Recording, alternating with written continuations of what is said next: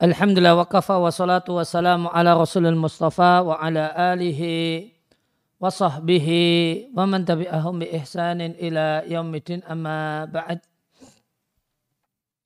Kaum muslimin dan muslimah rahimani wa rahimakumullah kembali kita lanjutkan membaca dan mentalaah buku Mahabbatu Zaujat.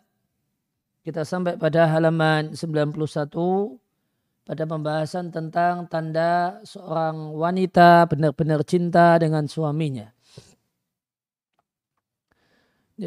Hal yang paling penting yang membedakan perempuan dari laki-laki adalah dia adalah seorang yang atifiyah, seorang yang emosional, seorang yang perasa.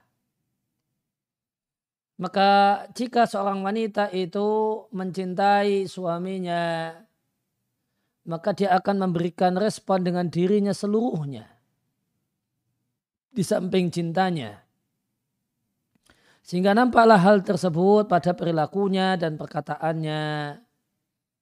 Dan tanda ya, cinta seorang wanita dengan suaminya yang paling penting adalah sebagai berikut.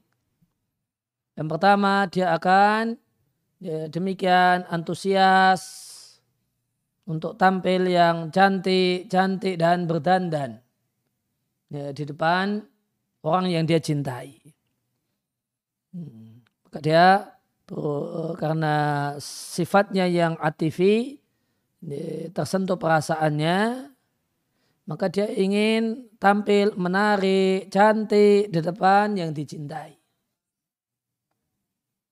Kemudian yang kedua, berulang kali dia sebut nama lelaki yang dia cintai dan mengingatnya dan membanggakannya di depan uh, banyak orang.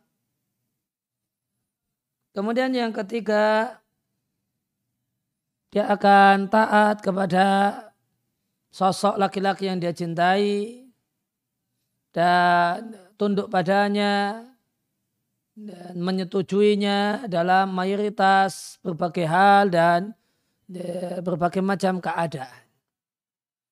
Yang menjadi permintaan lelaki yang dia cintai. Kemudian yang keempat dia cemburu dengan lelaki yang dicintai terhadap wanita-wanita yang lainnya. Dia punya cemburu dengan wanita-wanita yang lain yang dia khawatirkan, dia takutkan, mengambil hati lelaki yang dia cintai. Kemudian dia cemas dan khawatir bahaya terjadi pada lelaki yang dia cintai.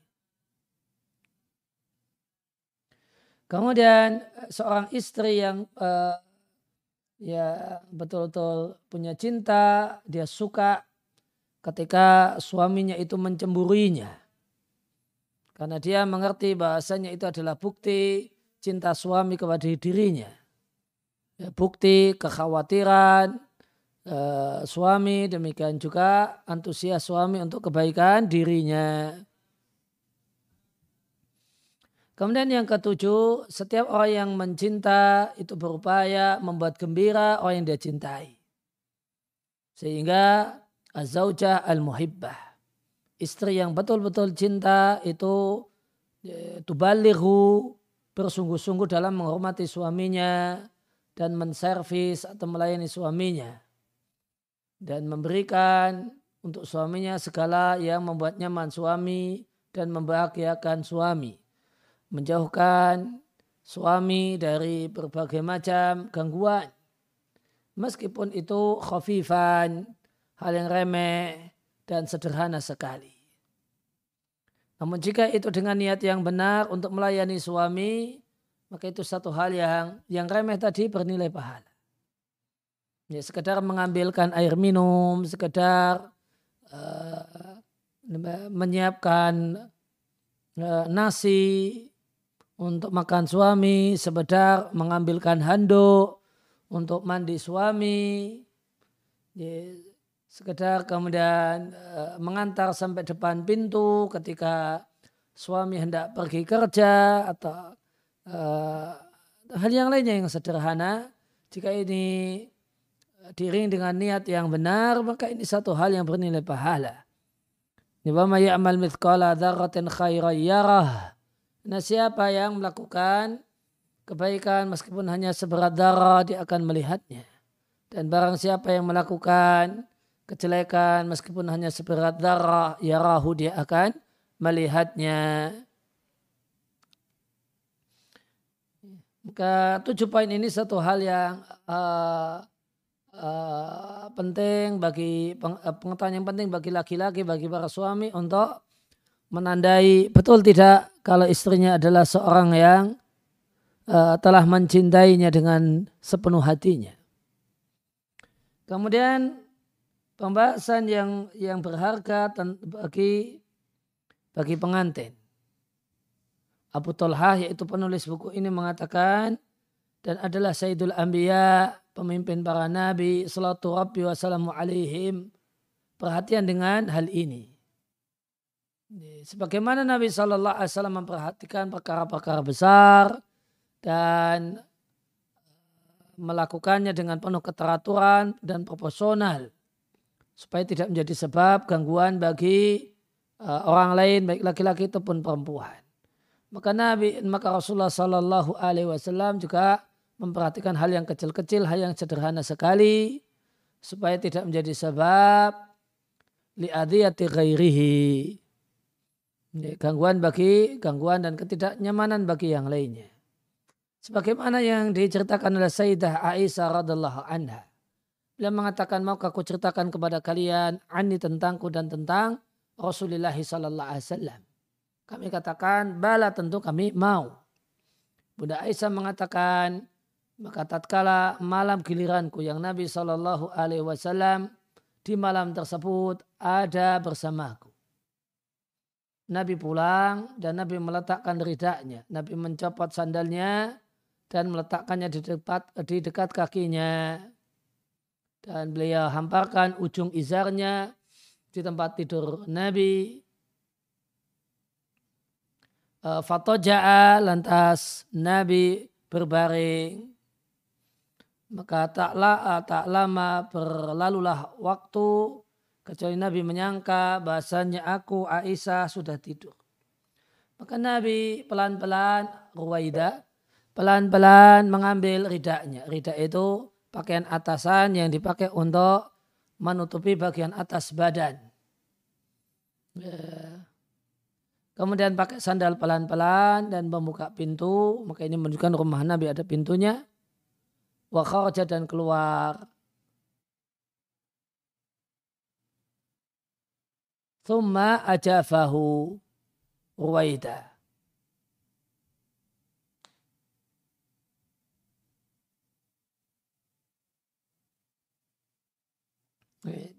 Dan seterusnya hadis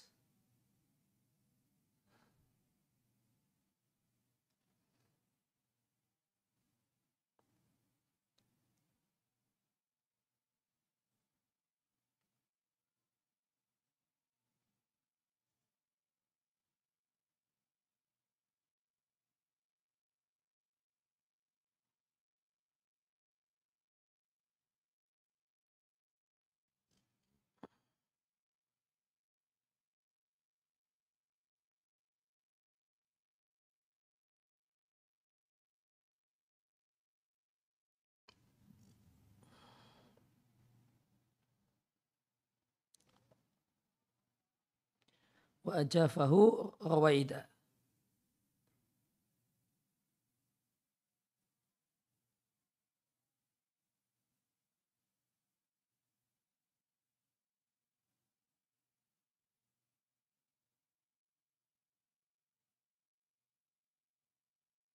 Ini ajafahu maknanya aghlaqahu.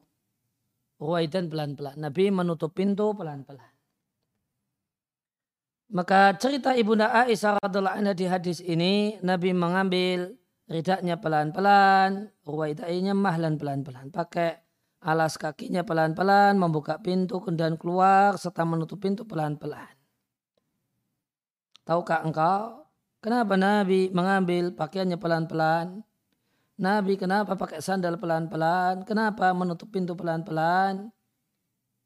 Maka katakanlah secara yakin Bahasanya Nabi SAW melakukan itu semua pelan-pelan supaya tidak mengganggu istrinya, membangunkannya dari tidurnya. Walau tidaklah diragukan bahasanya Nabi Shallallahu Alaihi Wasallam seorang suami yang agung, yang mulia, dan dicintai oleh Aisyah radhiallahu anha. Wa ayam mahbubin wa, ayu karimin. Dengan ya, dan sosok yang sangat dicintai dan mulia salatu rabbi wa salamu alaihi. Dan dari Bunda Aisyah radhiallahu anha mencintai Nabi dengan cinta yang besar yang tidak ada yang mengetahui kadar cinta ibunda Aisyah bersama Nabi Shallallahu Alaihi Wasallam dan bagaimanakah bentuk cintanya. Maka sepatutnya seorang mukmin dan mukminah meneladani Nabi Shallallahu Alaihi Wasallam dalam itu semua fahakada falyakun azauju maka danya suami itu seperti itu dan istri pun seperti itu. Ini, ini pelajaran yang menarik dari dari hadis ini Nabi punya semangat untuk tidak mengganggu istrinya. Sehingga ketika beliau mengira istrinya tidur, maka ambil baju pelan-pelan, buka pakai sandal pelan-pelan, buka pintu pelan-pelan ketika beliau ingin keluar rumah dan menutup pintu pelan-pelan. Hmm. Maka tadi ini hal-hal yang sederhana yang tidak menyakiti itu Nabi perhatian, apalagi hal-hal yang lebih yang besar-besar lagi tentu lebih-lebih lagi.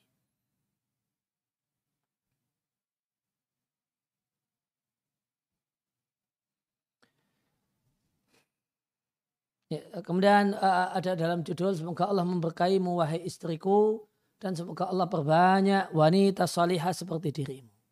Abu penulis buku mengatakan eh, rahimullah hafizullah taala sebagaimana di antara kebiasaan wanita dia suka untuk selalu berdandan untuk suaminya. Ya, berhias dengan emas dan perak. Bagaimanakah tidak demikian? pada Nabi Sallallahu pada Allah Ta'ala berfirman, bahasanya wanita itu yunasya'u fil hilyati. Tubuh besar memakai perhiasan. Dan dalam ketika tengkar itu tidak jelas.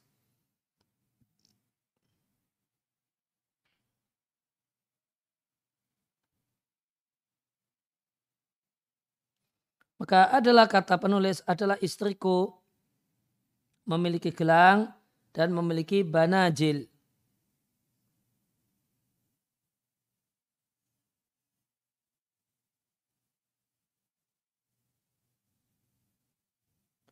Memiliki banajil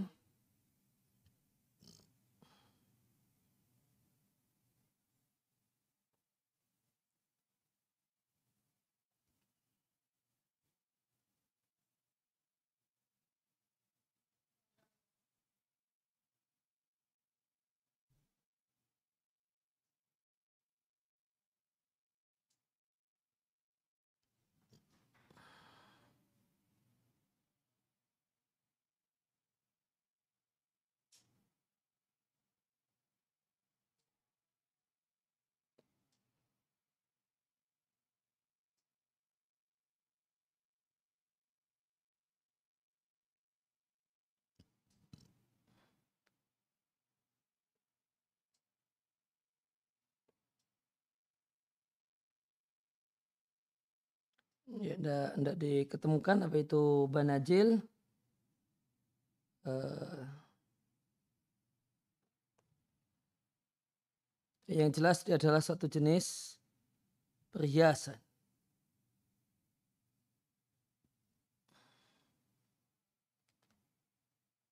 Minta bin terbuat dari emas yang digunakan untuk berhias. Maka Aku lihat istriku di satu malam dia melepas perhiasannya. Kutanyakan badannya. Di manakah banajil dan uh, gelang muwahe fulana. Maka istriku mengatakan aku khawatir mengganggumu, mengganggu tidurmu yang tenang. Ketika aku uh, bergerak dari sampingmu, maka uh, maka perhiasan tadi menimbulkan suara suara yang bisa mengganggu tidurmu. Lidhalika oleh karena itu ku copot perhiasan-perhiasan tadi. Maka masa Allah, maka sang penulis kaget luar biasa terpana dengan sikap istrinya yang luar biasa. Kukatakan padanya, apakah engkau muliakan aku dan perhatian denganku sampai-sampai tidaklah muncul darimu untukku sedikit pun gangguan. Maka semoga Allah memberkaimu wahai istriku, semoga Allah memperbanyak wanita-wanita atau istri-istri seperti dirimu. Maka engkau tidak akan mendapatkan ketidaknyamanan apa pun sejak hari ini abadan sama sekali insya Allah Ta'ala. Wa kadzalika dan demikianlah yang kulakukan dengan istriku dengan taufik dari Allah Subhanahu wa taala dan segala puji bagi Allah karenanya. Dan aku bersaksi dan dan aku jadikan Allah sebagai saksi dan aku katakan sehingga istriku ini tidak pernah menyakitiku dalam kehidupanku meskipun hanya sekali saja. Dan aku sangat ridho dengannya. Walhamdulillah. Maka ya Allah ridailah dia engkau wahai Rabbul Alamin dan masukkanlah dia ke dalam surga bersama hamba-hambamu yang saleh. Ini uh, cerita Abu Talha tentang uh, penulis buku ini dengan istrinya. Luar biasa. Istri yang sangat uh, perhatian dengan yang kecil-kecil berkenaan dengan suaminya. Kembali kepada hal-hal yang menjadi indikator istri itu cinta kepada suaminya. Tadi ada tujuh poin, kemudian dilengkapi dengan poin yang kedelapan. Bahasanya istri yang betul-betul mencintai itu condong mempercayai suaminya lebih banyak dibandingkan orang lain. Dan dia uh, untuk percaya dengan suaminya itu bisuhulatin kabiratin. Demikian uh, mudahnya. Kemudian ya, istri yang demikian mencintai itu tulus. Yang banyak untuk ya, untuk suami yang dia cintai dan dia tidak berpikir untuk mengkhianati eh, lelaki yang dia cintai abadan sama sekali. Kemudian yang ke sepuluh dia mudah memaafkan laki-laki yang menjadi yang dia cintai jika lelaki tersebut berbuat buruk kepadanya.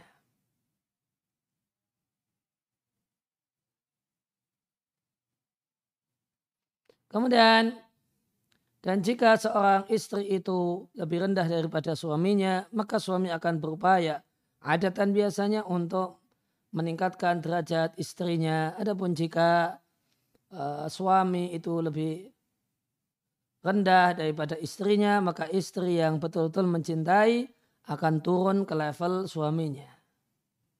Ya, dan istri yang betul-betul cinta tidak akan menunjukkan kepada suaminya bahasanya dia lebih unggul daripada suami.